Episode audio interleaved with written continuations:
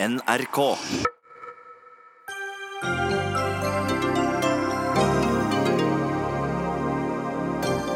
Aktivistgruppa Barnas Trygghet vil hindre seksuelle overgrep mot barn, og publiserer bilder av voksne som chatter med mindreårige. Men politiet ber dem stanse, av hensyn til barna. Én av tre nordmenn har utpregede fordommer mot muslimer, viser en ny rapport. Nå trengs det en handlingsplan mot muslimhat, ber forskerne bak. Julian Assange fikk taletid på debatt om fake news i Bergen. Mangelen på kritiske spørsmål viser arrangørenes dårlige dømmekraft, mener kommentator. Og høstens kokebøker bærer preg av hastverk og dårlig forlagshåndverk, mener kokebokjury. Er den litt for snobbete, undrer Cappelen Dam.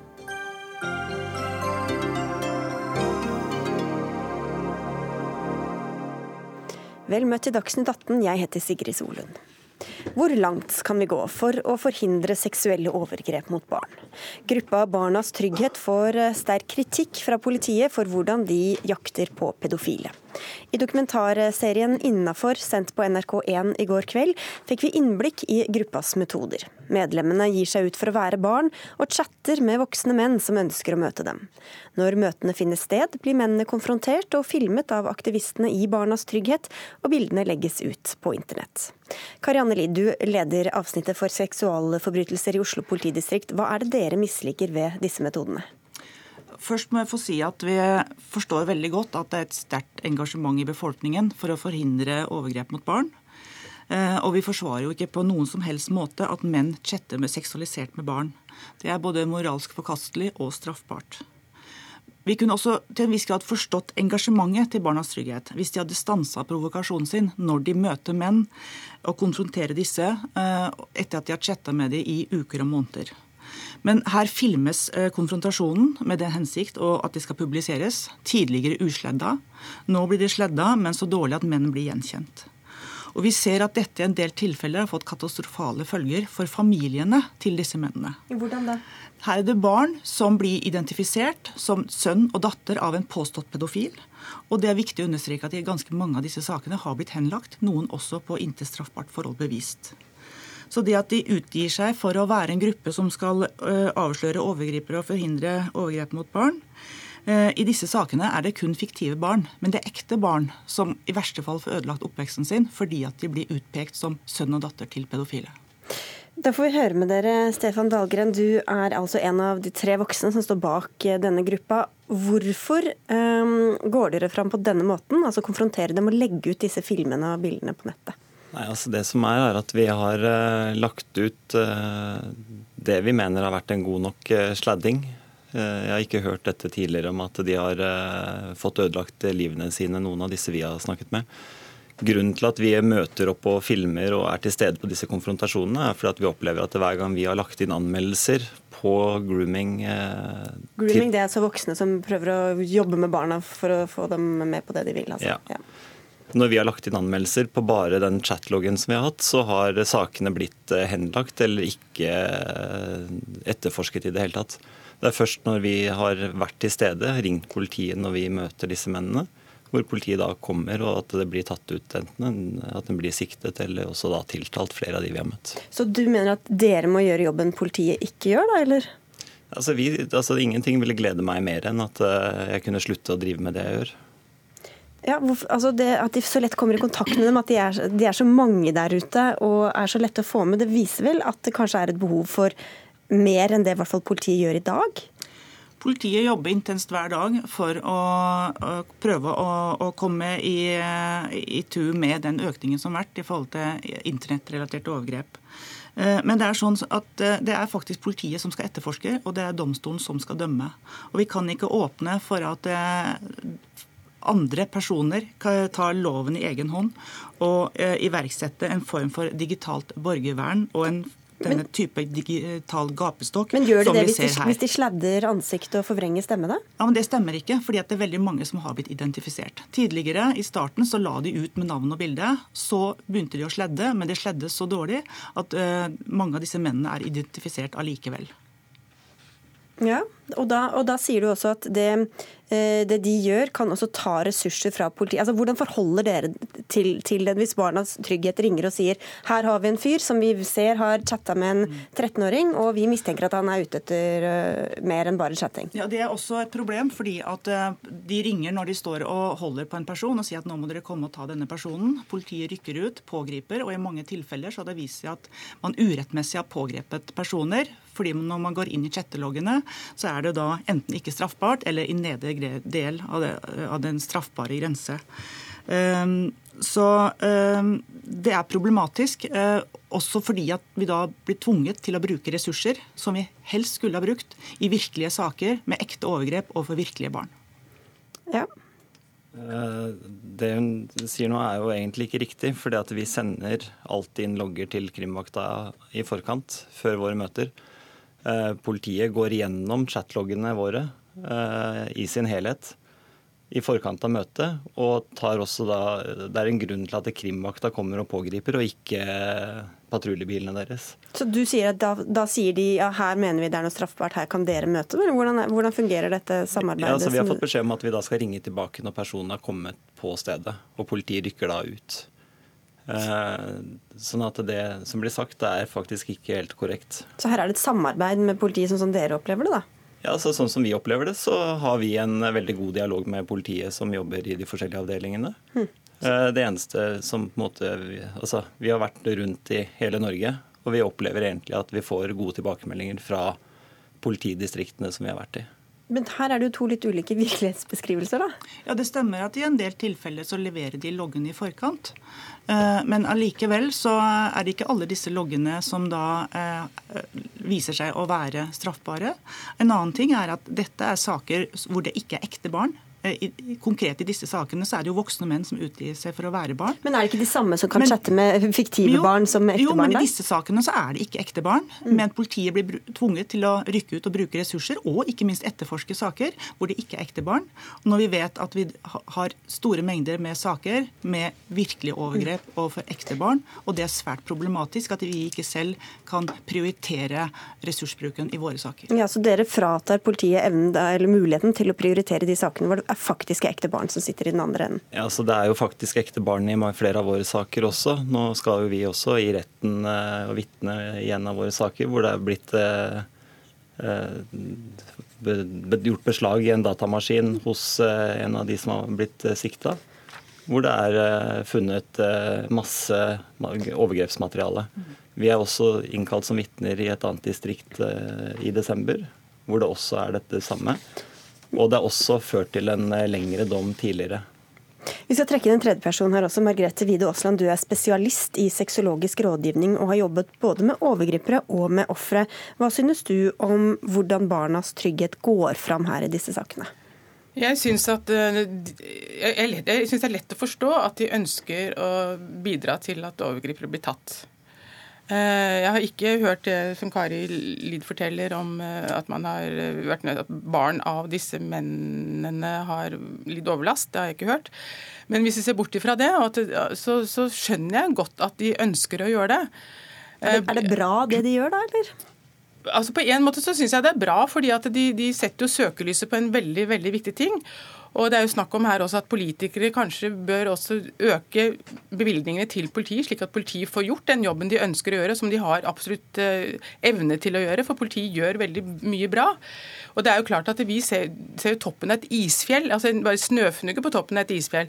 For dette med overgrepsbilder mot barn og med, med chatting og på nett og sånn, det har jo eskalert veldig og gått det er masse anmeldelser. Og det er mange som ikke blir tatt. og Det handler også om ressurser. Mm. Men jeg må bare spørre en ting, for I, i, i en sak i Frostating lagmannsrett så ble, var det en mann som dere hadde chattet med, som ble dømt til 36 dagers fengsel.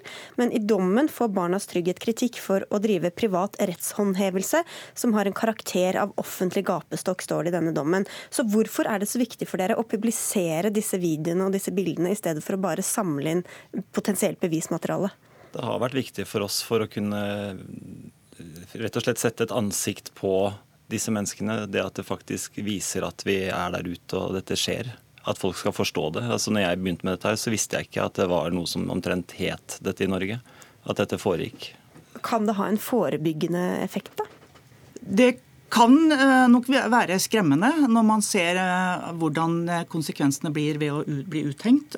Men det har nå faktisk nå vist seg at fremgangsmåtene her er straffbart. En av grunnleggerne er jo nå dømt til 75 dagers fengsel for hensynsløs atferd og krenkelse av privatlivets fred. Og det er også en viss fare for at de kan utsette seg for å bli inkriminert, f.eks. ved å motta seksualiserte bilder av den de chatter med. Det er jo da eh, brudd på, på, på, den eh, paragrafen som kriminaliserer det å sende seksualiserte bilder av barn. Og det vi også er veldig redde for, det er hva hvis det nå oppstår en alvorlig voldshendelse ved en konfrontasjon? Ja, altså, um, men, men la meg få svare på det. Hva Dette ansvaret som dere har da, eh, både i disse situasjonene og for det dere legger ut. Mm. Altså, vi tar jo selvfølgelig det til etterretning, det som blir sagt. At vi må ta mer hensyn til eh, det også. Så hva betyr det, da?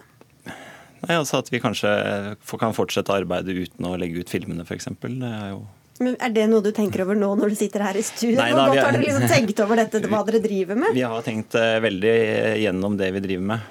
Det har vi absolutt. Så, så, dere skal slutte nå å legge ut filmer av dem dere konfronterer? Nei da, men altså, vi må jo bli, altså, som et eksempel, bare at vi kanskje må bli flinkere på enten det med, med sladdingen ja. Så flinkere til å sladde, eller slutte å legge eller ut? Eller slutte å legge ut.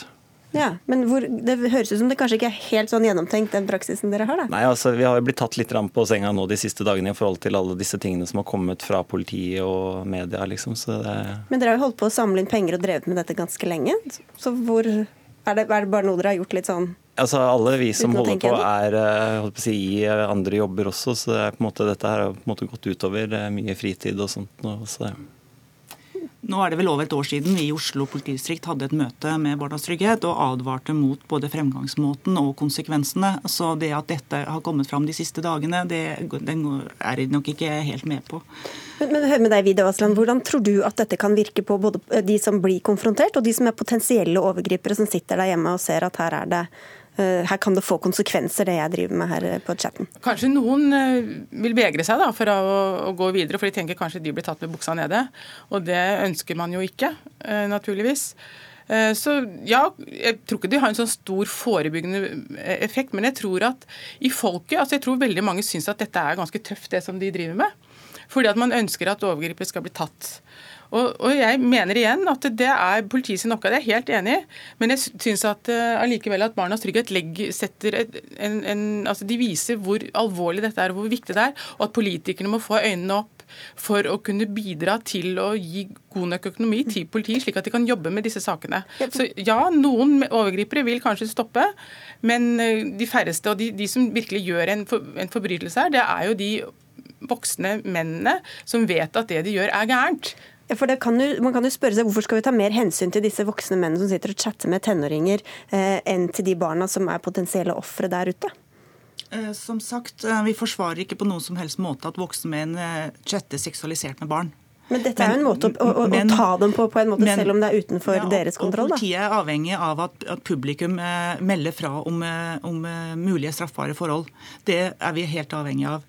Det vi ønsker, det er jo at eh, hvis eh, Barnas Trygghet ønsker å fortsette denne virksomheten, så at de da overlater på vanlig måte, melder fra til politiet, navn og uh, gir oss chatteloggen. Og så er det opp til oss å vurdere er dette straffbart forhold, og så er det opp til oss å vurdere når skal vi innkalle denne personen til avhør, eventuelt pågripe han og ransake. Er det noe dere kan vurdere å endre praksisen til å gjøre som politiet vil? Absolutt. Vi spurte jo etter det i første møte med politiet hva vi kunne gjøre for at vi kunne få til et bedre samarbeid og eventuelt kunne jobbe på en annen måte. Mm. Det er godt vi kan bringe folk sammen her, men til slutt fra eksperten her. Hvordan, eh, hvis dette ikke er framgangsmåten, hvordan skal vi andre, alle mulige voksne som, som, har med barn å gjøre, enten det er våre barn eller som lærere eller barnehage eller hva som helst, hva skal vi si? Hvordan skal vi hindre dem i å bli utsatt for sånne overgrep? Jeg tror kanskje ikke vi klarer å hindre det første overgrepet, men kanskje det andre. For vi må lære barn å, å, å, snakke med barna om seksuelle overgrep. Vi må lære å snakke med barn om, om, seksualitet, slik at barn tør å fortelle. Og det er veldig mange barn i Norge da, som forteller om at de har vært utsatt for seksuelle overgrep, men det er veldig ofte at de som tro, tar imot den historien fra barn, ikke blir trodd. Så det er mange barn som forteller. Jeg har mange historier hvor barn forteller om at de har vært utsatt for seksuelle overgrep. Og så er det de som da har skrevet loggbøker i barnehager og på skole. De blir ikke trodd. Mm. Så vi har kjempeutfordring. Mange barn sier fra. Folk er blitt mye flinkere til å snakke med barn. Men så er det da det andre leddet, andre leddet som mm. nå stoppes. Tusen takk skal dere ha alle tre for at dere kom til Dagsnytt 18. Stefan Dahlgren fra Barnas Trygghet, Margrethe Wide Aasland, sexolog, og Kari Anne Lid fra Oslo politidistrikt. Dagsnytt 18 alle hverdager klokka 18.00 på NRK P2 og NRK2.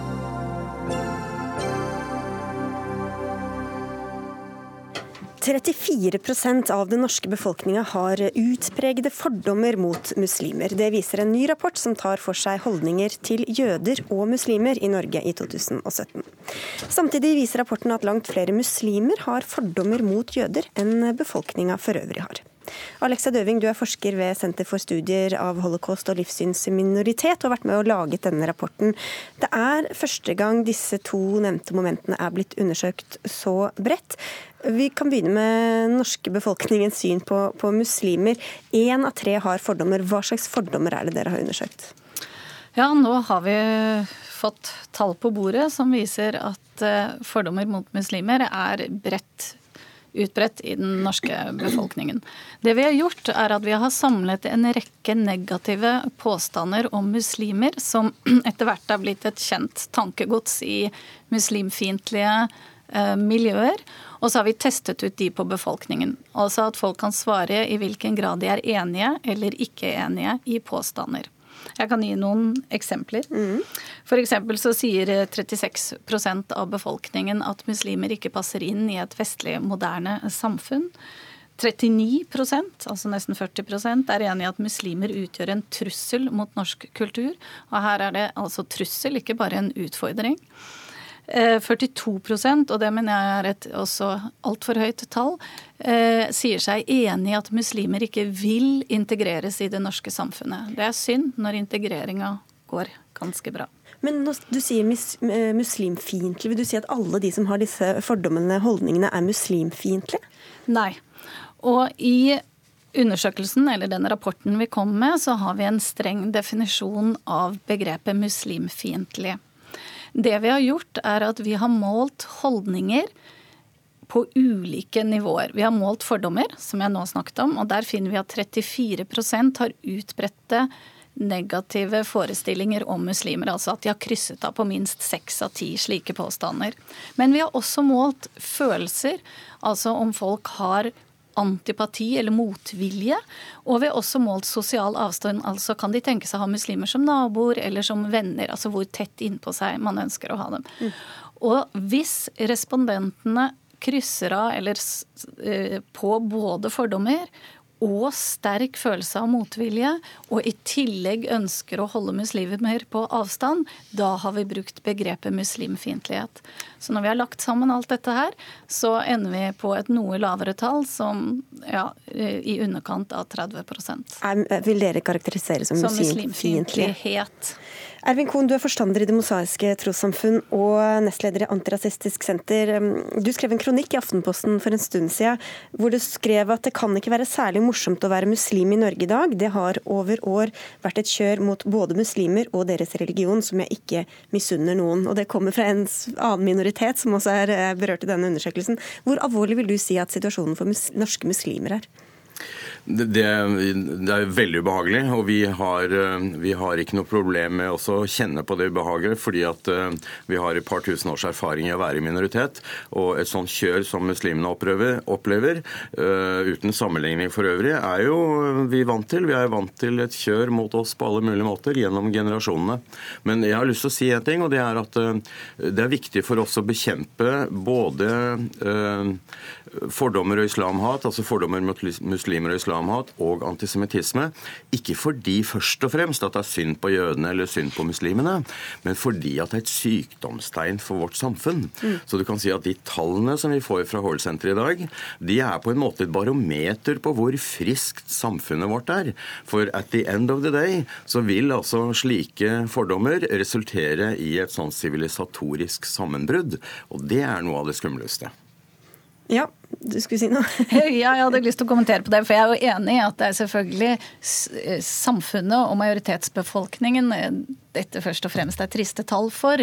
Men på samfunnets vegne har jeg også lyst til å, å, å løfte fram et litt oppløftende funn. Fordi eh, både jøder og muslimer svarer at de ikke, eller det er en veldig lite tall svarer at de ikke har opplevd å bli urettferdig behandlet i store institusjoner som skole, helsevesen, politi eller Nav på bakgrunn av sin religiøse tilhørighet. Og Det tyder på at de utbredte fordommene vi finner i befolkningen, ikke har rokket ved de viktige prinsippene for likeverd som norske institusjoner tross alt bygger på. Og de kommer ikke nødvendigvis til uttrykk i handlinger?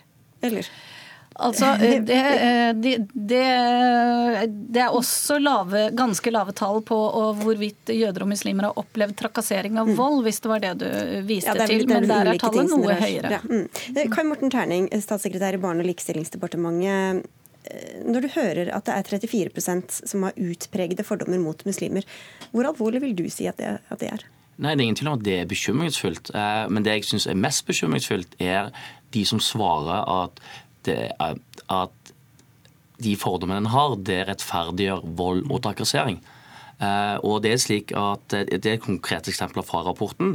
Det er 20 av det muslimske utvalget og nærmere 11% av befolkningsutvalget som svarer pga. Palestina-konflikten og Israel-Palestina-konflikten at det er greit med vold og trakassering mot jøder.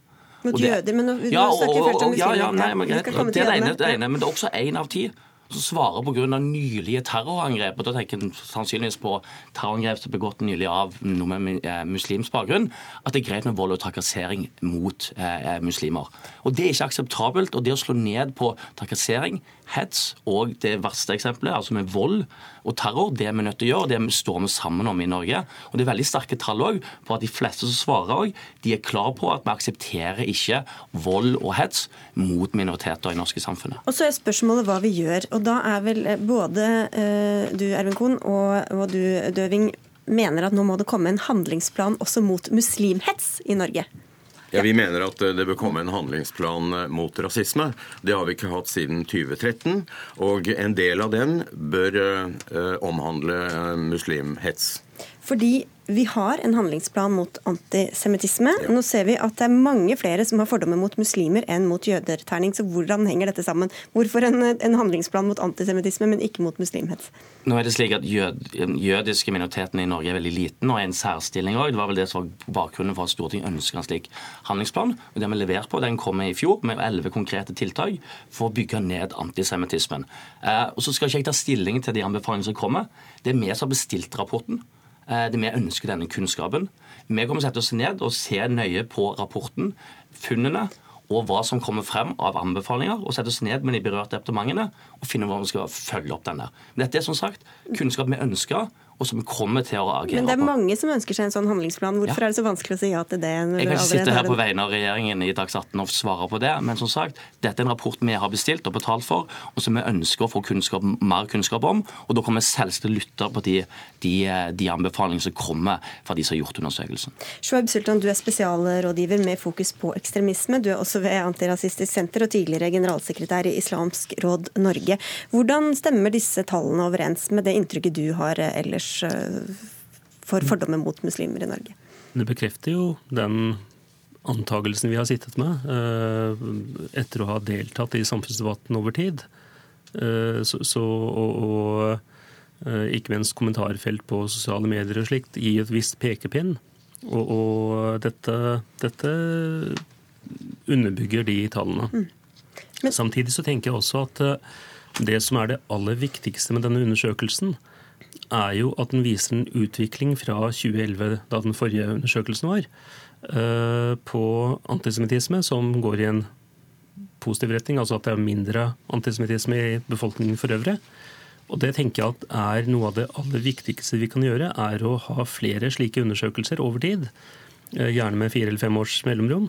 For å se om de tiltakene vi har, virker. Mm. Når det gjelder dette, denne handlingsplanen mot antisemittisme, så ville det vært interessant å undersøke om den nedgangen har noe med noen av de elleve punktene som man har satt fram der, eh, noe av det man har jobbet med, om det har gitt konkrete resultater.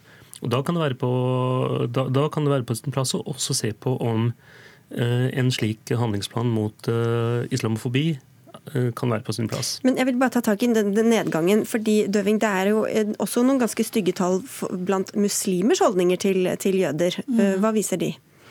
Eh, ja, Vi har jo stilt eh, et eh, muslimsk utvalg de samme spørsmålene som vi har stilt befolkningen. Altså De har blitt stilt og bedt om å bli ta, ta stilling til klassiske antisemittiske stereotypier. Og De viser at muslimene har en høyere grad av fordommer mot jøder enn det befolkningen generelt har. Og Det gjelder da særlig forestillinger knyttet til at jødene har makt at eh, de har for stor innflytelse over amerikansk utenrikspolitikk. Jøder har altfor stor innflytelse over internasjonal økonomi. Eller jøder arbeider i det skjulte for å overta verden. Mm. Klassiske bilder på jøden og makt. Men bildet er nyansert og ganske interessant. Fordi det muslimske utvalget svarer helt på nivå med befolkningen når de får spørsmål om motvilje og sympati og vennekrets og nabo. Det vil si at her er tallene lave. Så det sitter i hodet og ikke i hjertet? Jeg kan si at Det er en fordel, forskjell på å ha fordommer, forestillinger om en gruppe, og det å tenke seg individ. Så når det snakkes om at det er et jødehat f.eks. blant muslimer i Norge, så kan ikke våre tall bli brukt til å bekrefte det, i hvert fall. For her er det snakk om stereotype forestillinger som er eh, utbredt i den muslimske befolkningen, men det er ikke noen av tallene som indikerer at det er hat eller uvilje eller forakt overfor jøder. Men ganske eh, likevel vonde tall for, for tankene, Sultan. Hvordan skal man jobbe mot det? da? For, fordi det, det, rare holdt jeg på å si, er jo at jødene har mye mer velvillige mm. eh, forestillinger om jødene enn en motsatt. Om muslimene. Ja, ja, unnskyld, om muslimene. Ja. Og jeg tror at uh, svaret er mye av det samme som uh, man har jobbet med antisemittisme i befolkningen for øvrig. At man må jobbe mer med kunnskap, man må jobbe med holdninger. Og ikke minst kjennskap, altså det at folk kjenner noen. Er med på å bygge ned en del av disse stereotype holdningene. Det som er veldig positivt med dette, er jo nettopp som Alexa Døving pekte på, at på den ene siden så har man antisemittiske forestillinger, og de må vi ta tak i. Det er noe positivt der med synet på jøder som medmennesker, hvor man da ønsker dem velkommen i en vennegjeng, eller at man vil ha dem som nabo, kollega etc. Så det er noe med å ta tak i det positive, mm. bygge videre på det, og samtidig ta tak i det negative og jobbe mot det. Ja, men Terning, I denne handlingsplanen, hvordan har dere rettet også, eller hva slags konkrete tiltak har dere hatt rettet mot muslimer for å forebygge antisemittisme? Det er en del tiltak som retter mot eh, skolene, selvsagt. Eh, og f.eks. i Oslo òg.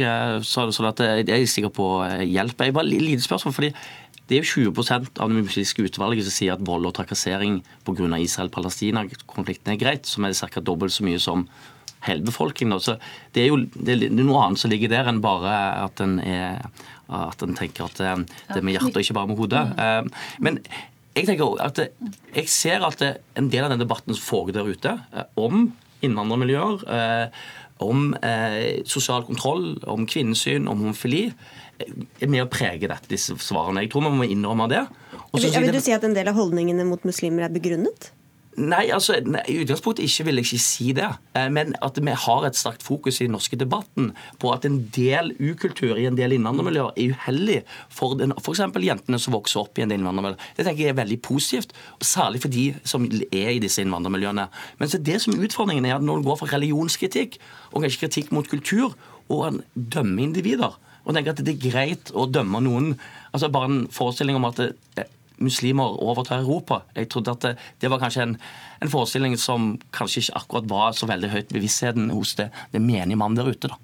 Nei, Det ble vi også overrasket over, det høye tallet der. For vi tenkte at etter 22.07 så var nettopp den forestillingen på en måte løftet såpass opp og, og, diskutert.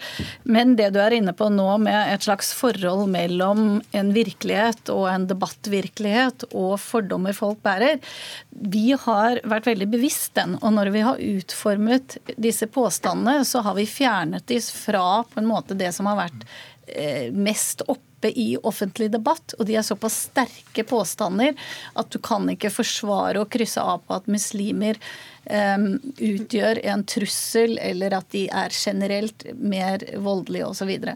så på en så heterogen befolkning som den muslimske, så blir det, de påstandene vi har her, helt klare fordommer og kan ikke forklares ut fra at her er det tross alt elementer. Jeg vil bare ha et spørsmål til Erlend Kohn til slutt her. Også fordi at det, det, Vi melder om at eh, holdningene er blitt bedre til jøder, eller i hvert fall de antisemittiske holdningene er gått ned. Hvordan kan det ha seg samtidig som eh, hva er det 70% av jødene melder om mer antisemittisme, og føler seg også mer sårbare? Det kan ha en sammenheng med da, dette tallet med med øh, trakassering og vold. Og det kan ha sammenheng med at øh, vi har et øh, ytre høyre som har våknet til liv.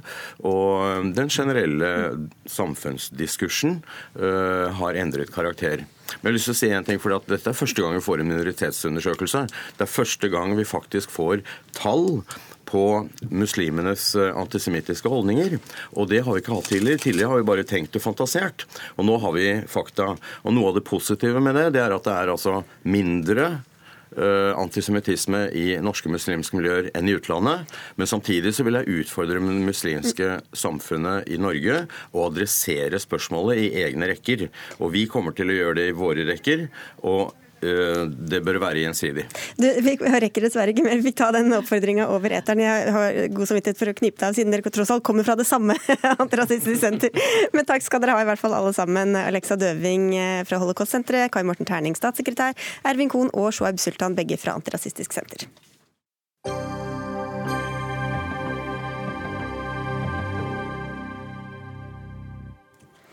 Mediene har skapt nesten alle kriger vi har hatt, og liberale demokratier er falske nyheter. Dette sa Wikileaks-talsmannen Julian Assange i en debatt om fake news under årets Holberg-debatt. En debatt som arrangeres av forskningsprisen Holbergprisen. Opplegget for debatten har fått kritikk fra flere kommentatorer, hvorav du er en, Inger Merete Hobbelstad. Du har skrevet om dette i din avis Dagbladet. Hva ved dette arrangementet var det du reagerte på? Eh, det var mange ting. Eh, men vi kan jo begynne med det at dette skulle være en debatt om fake news og eh, propaganda. Og altså, Selve fenomenet fake news det var jo noe som dukket opp veldig sterkt i offentligheten, særlig under det amerikanske valget i fjor, hvor det ble klart at veldig mange falske nyhetssaker, eller altså tilsynelatende nyhetssaker, oppslag som så ut som de var laget av journalister og aviser, men ikke var det, ble spredd, fikk voldsom utbredelse på sosiale medier. Eh, dette kunne være saker som handlet om at Obama var muslim, at paven hadde støttet Trump. Eh, ingen av disse tingene stemte. Eh, men at disse sakene antagelig påvirket mange menneskers stemmer i, i valget. Altså De var rent oppspinn da, laget av, av kommersielle grunner eller propagandistiske grunner. Og så, så det var da, dette, da man ble klar over dette fake news-problemet. Og så skjedde det jo ganske raskt at dette ble snudd opp ned på. Altså Trump vet vi, snudde det rundt og begynte å bruke det mot etablerte medier. Altså Hver gang det kom en sak han ikke likte, så kunne han si at det var fake news. Eh, vi vet at sånne sånn som Breitbart, at konspirasjonsteoretikere, ytre fløyer, uh, bruker det mot etablerte medier. Skulle, men når da Holberg-debatten skal arrangere no, en debatt om dette, og invitere Julian Assange og John Pilger, så er det denne definisjonen de snakker om. Altså Da er det Trump-definisjonen. De tar det på deres premisser? De snakker om dette som om det er noe som de etablerte mediene driver med. Og Det er da det kom sitater som det du siterte innledningsvis her. ikke sant? John Pilger som sier at fake news er noe som er funnet opp av liberale amerikanske medier. Som om ikke dette er et reelt fenomen som vi alle har sett massevis av eksempler på. Assange som sier at liberale demokratier er falske nyheter, at Donald Trump generelt har rett når han sier at mediene er fulle av uh, falske nyheter, osv. Mm. Og dette var da synet som ble fremført i Bergen, uh, uten motforestillinger. Ja, La oss høre med deg, Ellen Mortensen, du er faglig leder i Holbergprisen. Hvorfor var dette vinklinga? Uh, vi hadde denne vinklinga fordi vi har Holbergprisen arrangerer Holberg-debatten årlig. I 2016 eh, så hadde vi Timothy eh, Garden Ash i en debatt om eh, free speech. Og i år ville vi ha en litt annen vinkling. I fjor hadde vi litt mer Men Snakk om årets. Hvorfor, valgte dere det på, hvis vi skal følge uh, resonnementet her, på Trump eller Assange premisser? Ja, Det er jo hennes fremstilling av saken. Det vi ønska i år, det var jo å fange opp stemmer som beveger seg litt mer i ytterkant av det som vanligvis trer frem i det allmenne ordskiftet og i de etablerte mediene. Derfor valgte vi eh, Julian Assange og John Pilger og Jonathan Haywood, som da Hobbelstad symptomatisk ikke nevner, til å innlede om dette temaet propaganda, facts and fake news. Han er nevnt i kommentaren min. Og eh, ja, bare eh, en passant, kan man si. Han ble jo ikke eh, tatt seriøst i forhold til eh, Det er jo et veldig disproporsjonal eh, fokus på Assange og på Pilger i forhold til Hayward i din kommentar. Men, men hvordan tok men, dere tak i det og, og, stilte kritiske spørsmål til disse uttalelsene, hvorav jeg nevnte to innledningsvis? Ja, vi hadde lagt opp til at innlederne skulle få eh, rom 20-25 minutter hver til å legge frem sine respektive syn på saken, samtidig som skulle åpnes for kritiske kommentarer og spørsmål. Og Når det gjelder Assange, så blir han intervjua i 22 minutter med, med kritiske spørsmål og, og, av vår kommunikasjonsrådgiver Ole Sandmo. I tillegg så hadde vi altså en spørsmål- og svardel på 25 minutter bare på hans sekvens. Og I del to med Pilger og Hayward så hadde vi også en tilsvarende spørsmål- og, sta og svarrunde på 25 minutter. Så det var rikelig med tid, mener du, til at f.eks. Hobbelstad kunne stille kritiske spørsmål, Hobbelstad, eller? Altså, er spørsmålet nå ja, du, Hvorfor ikke du da valgte anledningen? Fordi Ifølge styrelederen i Holbergprisen, Sigmund Grønmo, eh, som skriver i Bergens Tidende, så var det sånn at um, andre altså medier også var oppfordret på forhånd til å stille med kritiske spørsmål. Eh, altså, dette er det jo flere grunner til. Eh, for det første så ble jo de som skulle stille spørsmål, ble bedt om å stille seg i kø og stille ett kort spørsmål hver. Det er jo Ut fra dette så får man jo ikke fulgt opp disse sakene på den måten noen burde gjort i denne debatten. Eh, for det andre så var jo vi der for å dekke eh, fenomenet, altså for å tolke det og bringe det ut. Vi var ikke der for å delta, og ikke for å eh, redde Holberg-debattens ære i dette. Og for det tredje så synes jeg ikke dette vitner om spesielt god planlegging. Hvis man inviterer gjester til å komme med ekstremt drøye, mistenkeliggjørende påstander om en yrkesgruppe, og ikke har noen på plass som kan konfrontere dem med rette. At man gambler på at det vil være noen i publikum som kan gjøre det. Jeg syns ikke dette er slik man skal arrangere debatter om et så alvorlig tema. Ja, Hobbelstad er jo selvsagt berettiget til å mene det hun vil om både format og innholdet i debatten. Men, eh, og hun har jo tydeligvis forventa seg en annen form for debatter, mer eh, konfrontativ karakter. Der Assange og Pilders mer skulle stilles til vegg for, sine, for det de har sagt og, og ment tidligere. Og Det er jo da symptomatisk at hun i sin Dagbladet-artikkel diskrediterer både arrangører og innledere mens hun da i hovedsak forholder seg til tema og spørsmål som ikke blir berørt i deres respektive innlegg. Hun nevner f.eks. ikke de analysene og argumentene som Assange fremfører i en svært interessant diskusjon om kunstig intelligens. Og de nye tekniske aspektene ved masseovervåkning og implikasjonene av denne utviklinga i i nyere propagandastrategier for ulike regimer. Det undrer oss at ikke hun var interessert i å gå mer i dialog med hva som faktisk var satt sagt under eh, både innleggene til Pilger og, og eh, til, eh, til Assange. Det hun gjør, det er å trekke ut løsrevne sitater og følge opp med en tirade av retoriske spørsmål og halvkveda analyser mens hun egentlig hopper eh, fra tema til tema. Altså, jeg kan jo si det slik at I et arrangement som varte i timevis, så er det jo naturlig at en kommentar etterpå ikke kommer innom alt som ble sagt, eller alle temaer som ble tatt opp.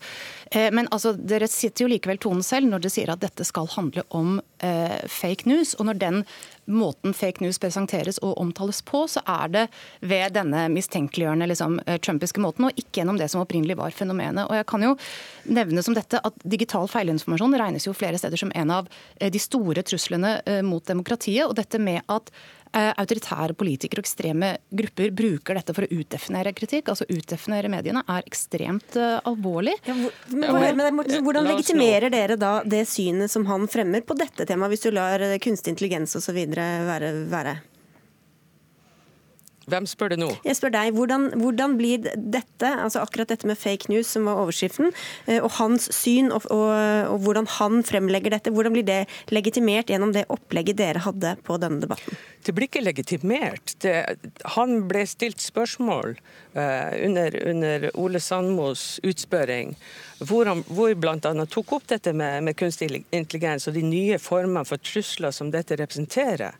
Den, den uh, kritisk journalistikk slik vi kjenner det, eller kritisk tenkning i tradisjonell forstand, eh, står jo ganske maktesløs overfor denne type skjulte aktører som, som, som her er. Som, Men du mener at han fikk kritiske spørsmål fra Ja, det mener jeg absolutt at han gjorde. Og jeg kan jo bare, eh, La meg bare få si, Vi hadde tre ulike strategier for å fremføre kritiske innspill til både Assange og Pilger.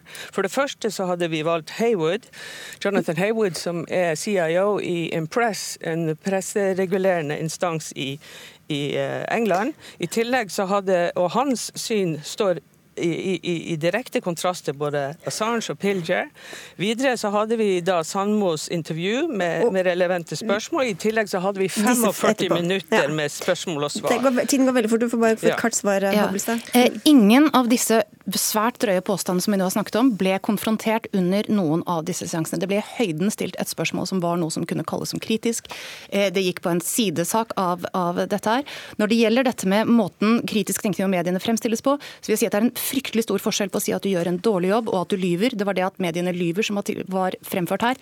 Ingen uh, stilte, satte ordentlig spørsmålstegn ved det. Det er, en, det er, svært graverende. Og de som vil se det, kan kanskje gå inn på nettsiden deres, eller hva, Mortensen? Nå har vi nemlig lagt ut okay. hele debatten i da sin helhet, og da kan alle fritt få lov å dømme selv hva som Litt faktisk skjedde. Litt seint å stille spørsmål, men dere kan i hvert fall ja. se på det. Takk skal dere ha begge Takk. to, Inger Merete Hobbelstad og Ellen Mortensen.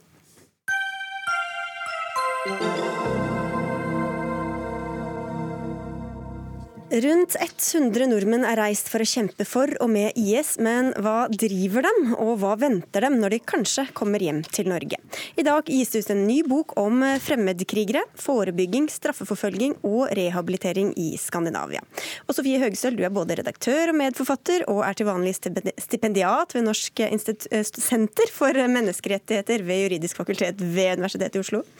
Først, Hvor mye vet vi om disse fremmedkrigerne? Ikke nok, og det var litt av motivasjonen bak boken. Det det kom en FN-rapport som prøvde å kartlegge hvem disse fremmedkrigere er i sommer. Eh, og Da hadde disse eh, forskerne som jobbet for FN, kun funnet frem til 26 personer som var villige til å la seg intervjue. Og Her er det jo snakk om 40 000 mennesker som har reist til Syria for å drive, med, eh, for å drive på forskjellige sider av konflikten. Og Derfor var vi veldig fornøyde når vi fikk inn tre bidrag til boken som har vært med på å intervjue skandinaviske fremmedkrigere. Og Funnene fra de kapitlene viser at det er veldig heterogent, at det er veldig forskjellige folk med forskjellige motivasjoner.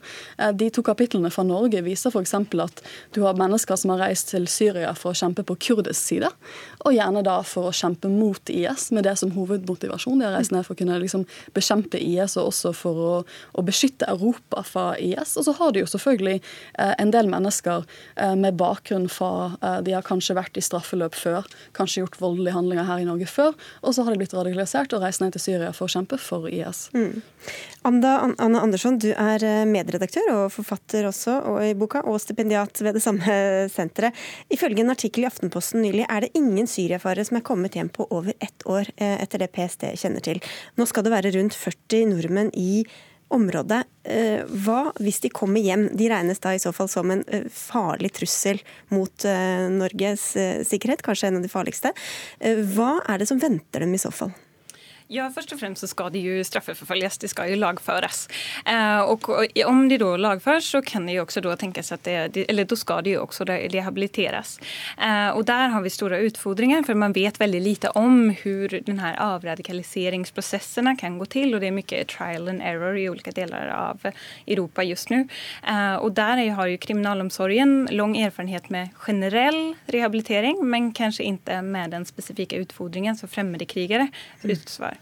Blant disse er det også en del kvinner. Det har du skrevet om, Ester Strømmen. Du er vitenskapelig assistent ved Institutt for offentlig rett og har skrevet om jihad-bruder. Um, av alle nordmennene som har reist til Syria, er det vel rundt ti av dem som er eh, kvinner. Og du sier det er naivt å tro at disse, og andre for så vidt også, er ofre for bedrag og hjernevasking. Så hva er det som driver dem til å reise?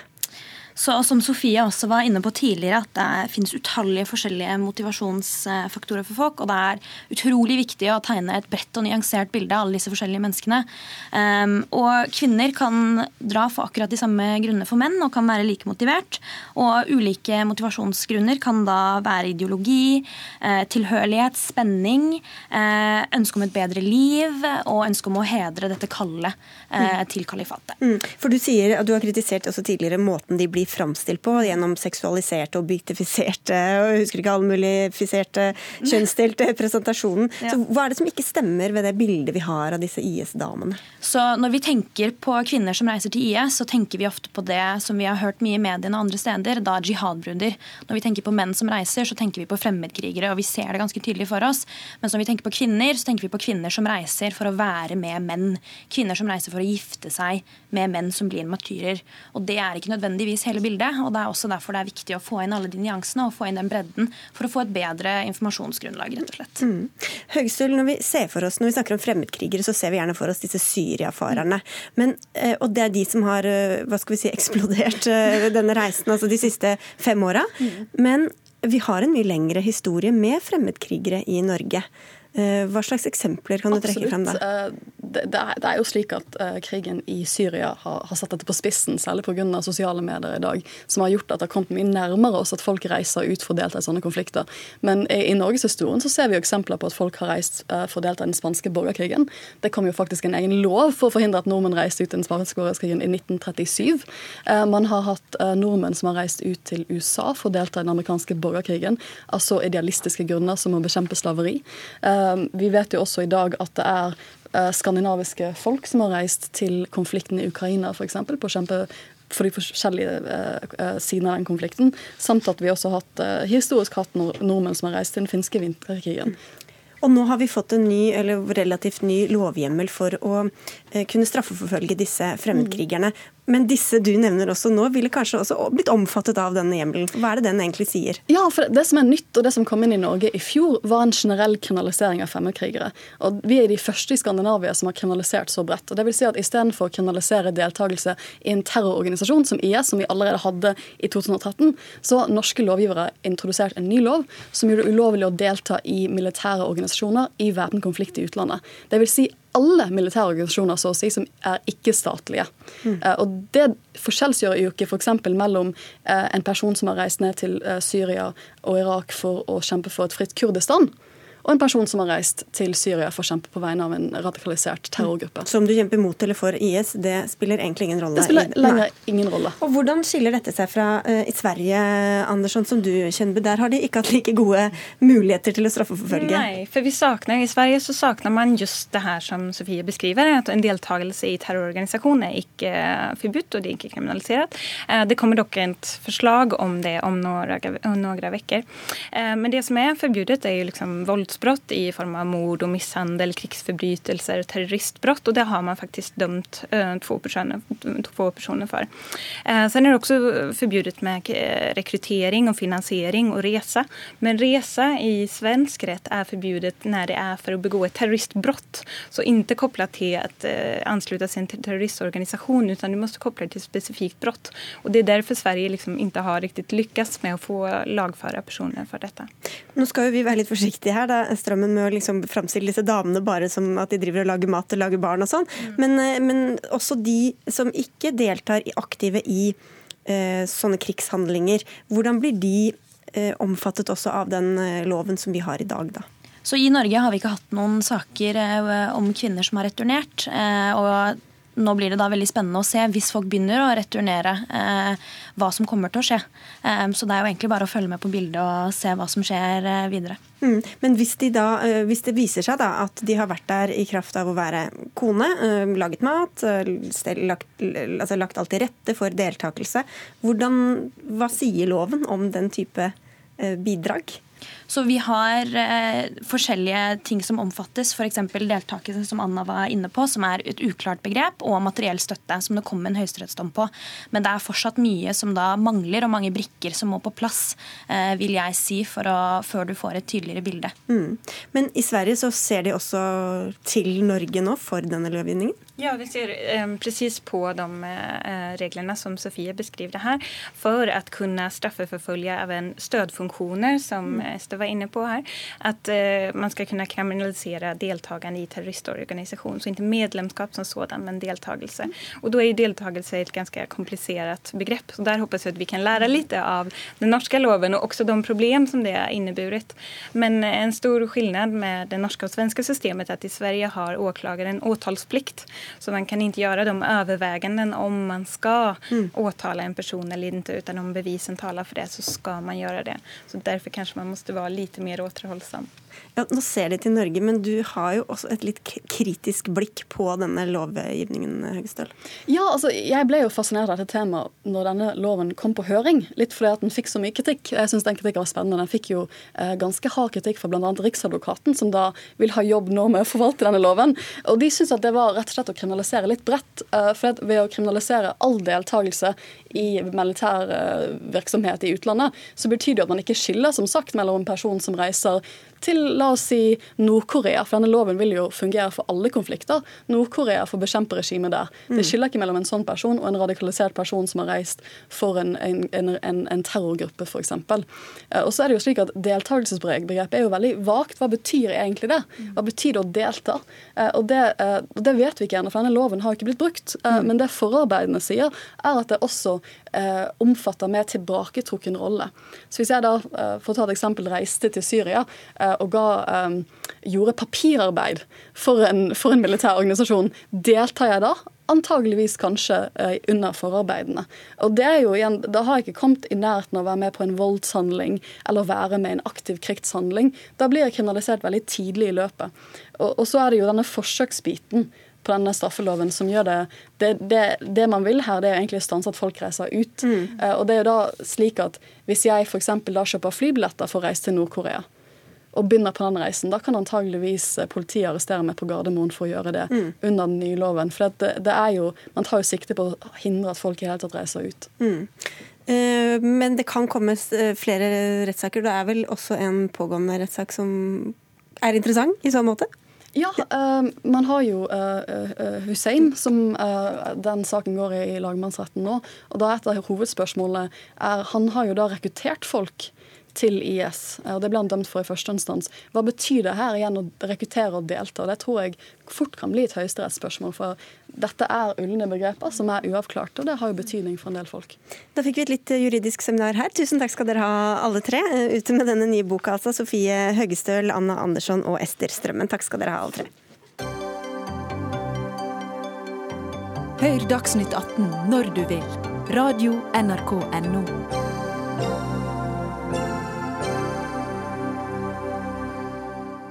Kanskje har du kjøpt en kokebok til en du er glad i til jul, eller kommer til å pakke opp en selv. I så fall er det fare for at du blir skuffa over kvaliteten på boka.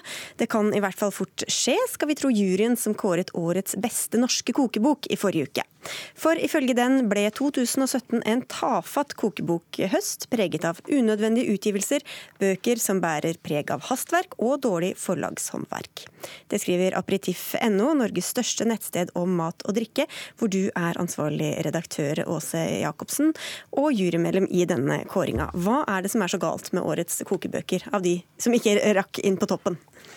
Ja, altså, Jeg har vært med i denne juryen i ti år nå, så vi feirer jo et lite tiårsjubileum. Og jeg hadde vel kanskje håpet at det skulle bli ekstra uh, gyldent, men dessverre ble det ikke det. Og vi har en ganske enstemmig jury som konkluderte med at uh, årets kokebokhøst er altfor mange gjentakelser fra tidligere år. Uh, det er ikke sånn at vi forventer at vi skal kunne plukke ut en klassiker hvert eneste år, men eh, vi hadde faktisk problemer med å finne eh, nok finalister. Mm. Marianne Ilen, du er redaksjonssjef for eh, Kokebøker i Cappelen Dam, en av de største forlagsaktørene for eh, kokebøker. Det, står det så dårlig til? Nei, vi kjenner oss ikke igjen i det hele tatt i eh, den konklusjonen juryen er kommet til. Vi følger jo med på hva som skjer ute på det internasjonale markedet. og Eh, årets kokebøker fra alle forlag står absolutt ikke tilbake for hva vi ser. Det beste fra utlandet? Ja, det beste fra det utfordrende. Eh, så vi kjenner oss ikke helt igjen i at eh, i hvert fall vår liste skulle være tafatt. Ja, nå kan jo ikke du snakke på vegne av alle, men Jacobsen, hva er det som kjennetegner de bøkene som dere mener at kanskje ikke burde vært utgitt i det hele tatt? Altså det, I år så ble det utgitt eh, et 50-60 eh, kokebøker, og vi har eh, i juryen da gått gjennom grundig 32 av de. Men vi har jo også sett på de andre, og kom jo fram til at det står ikke så veldig godt til. Og i løpet av disse ti årene så eh, har vi hatt bedre kokebøker enn i år. Og det skyldes jo først og fremst at eh, gjentakelsene er det vi kaller da melking av kjendiser, av bloggere. Eh, og i tillegg så er det flere bøker som eh, bærer preg av å være eh, reklame. Altså mm. det man i medieverden kaller innholdsmarkedsføring. At det er noen som betaler for å få en kokebok utgitt. Og at da forbruker i, i den andre enden skal betale full pris. Og det mener vi ikke er bra. Eh, innholdsmarkedsføring og at eh, forfattere betaler for å få utgitt en bok, det er noe vi ikke kjenner til i det hele tatt.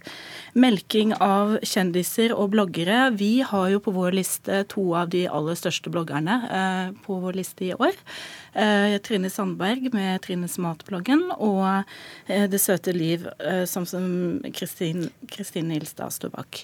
Uh, og det er jo slik Det er sikre suksesser, da, eller? Det er sikre suksesser, og det er jo fordi de lager veldig gode oppskrifter som folk faktisk kan følge. Ja, Og som kanskje er greit å liksom, ty til i en uh, hektisk hverdag. Den beste norske kokeboken i år, foran 31 andre altså, ble stjernekokk Even Ramsviks bok 'Ny norsk mat' hvor det bl.a. er oppskrift på nypoteter med gjæret selleri og solbærblader. Eh, det er jo et veldig høyt nivå. da. Hvordan ser du for deg at folk liksom skal bruke disse oppskriftene? Det er klart, eh, det er ikke kokeboka du gir til eh, studenten som skal flytte på hybel over nyttår. Men er det typisk for de fem finalistene som dere fant? Det som er typisk for de fem finalistene, er at de dekker hele spekteret av eh, det man kan forvente av en god kokebokkhøst. Alt ifra det som er hverdagsmaten, men da gjort på en eh, etter vår mening veldig god måte. Bl.a. en kokebok som heter Carlas kjøkken. Syns vi er forbilledlig på den måten. At den skaper matglede, og samtidig tar hverdagsmaten opp på et nivå som ikke er gourmet, for å bruke et forslitt uttrykk, men hvor hverdagsmaten blir fylt av glede. Er det litt snobbete fra juryen, vil du si? eller? Ja, I hvert fall så kaller jo vi dette her årets kokkebok framfor årets kokebok, fordi det som eh, kjennetegner alle uh, vinnerne av denne prisen, er jo nettopp at det er kokker som står bak. Uh, er ikke det greit da, når du skal gi ut en kokebok? Ja, uh, Det er jo mange måter å ha en matkompetanse på. Uh, bloggerne har jo jobbet i mange mange år og tilegnet seg kunnskapen på den måten.